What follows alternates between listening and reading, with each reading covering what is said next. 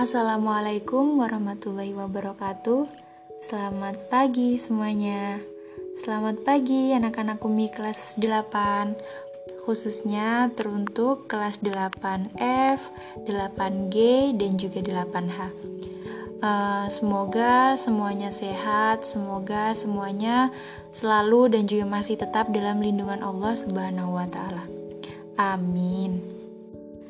Baik, pada kesempatan kali ini Umi akan menjelaskan beberapa materi yaitu materi di bab 7 tentang makanan dan minuman halal di mana yang sebelumnya materinya udah Umi share yaitu dalam berbentuk PowerPoint yang sudah kalian download di e-learning.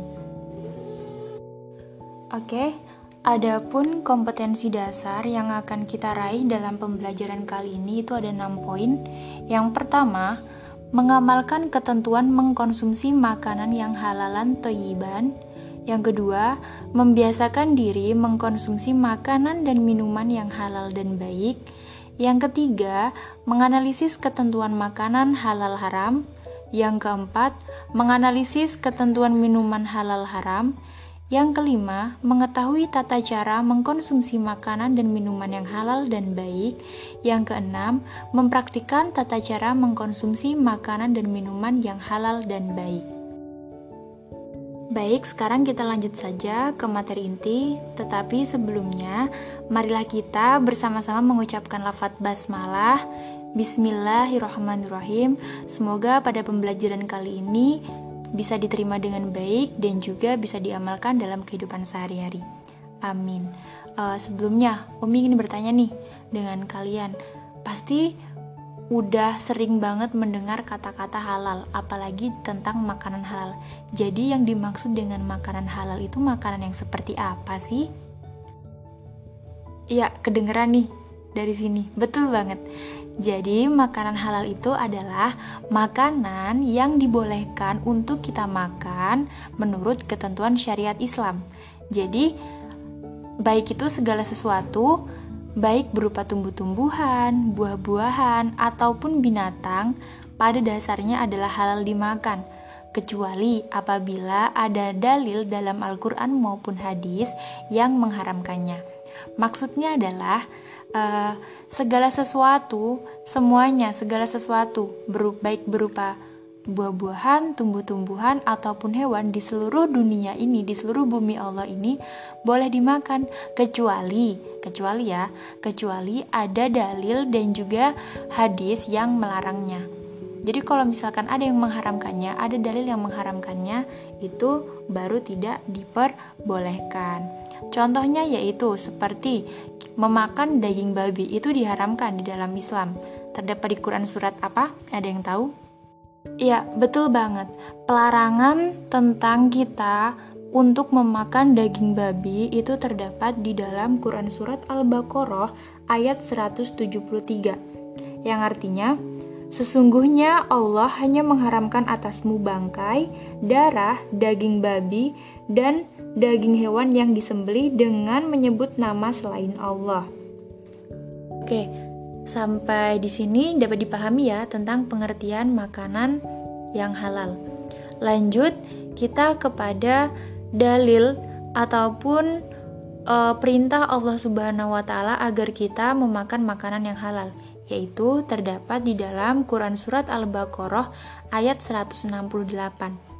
Yang artinya Wahai manusia, makanlah dari makanan yang halal dan baik yang terdapat di bumi, dan janganlah kamu mengikuti langkah-langkah setan. Sungguh, setan itu musuh yang nyata bagimu. Nah, dari ayat tersebut itu dapat diambil kesimpulan bahwa segala sesuatu yang dimakan oleh seorang Muslim itu hendaknya memenuhi dua syarat. Yang pertama adalah halal, halal tadi adalah diperbolehkan untuk dimakan yang tidak dilarang oleh hukum syariat Islam. Yang kedua, selain halal itu adalah toyib atau baik. Artinya, makanan tersebut harus baik. Baik itu masuk ke kategori baik gizinya, banyak gizinya, banyak manfaat yang terdapat dalam makanan tersebut untuk tubuh kita.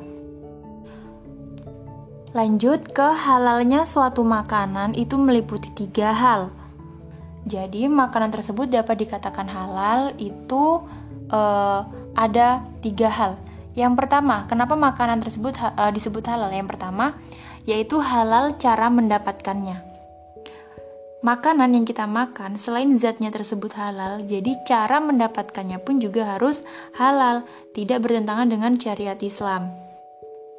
Yang kedua, halal prosesnya. Yang pertama tadi cara mendapatkannya, yang kedua ini adalah prosesnya ataupun pengolahannya juga harus sesuai dengan syariat Islam. Contohnya, misalkan kita ingin memasak daging ayam.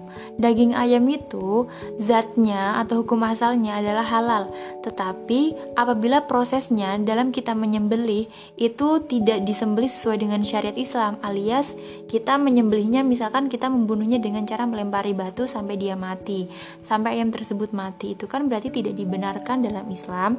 Nah, jadi daging ayam tersebut menjadi haram untuk dimakan karena cara prosesnya ataupun cara pengolahannya, cara pengolahannya tidak dibenarkan. Yang ketiga, halal zatnya. Jadi makanan itu terbuat dari bahan yang halal, tidak mengandung unsur-unsur yang diharamkan menurut syariat Islam. Contohnya, adalah nasi. Nasi itu kan asalnya asalnya dari beras. Nah, itu adalah halal untuk dimakan. Emang zatnya itu halal. Susu, telur, dan lain-lain. Jadi seperti itu ya.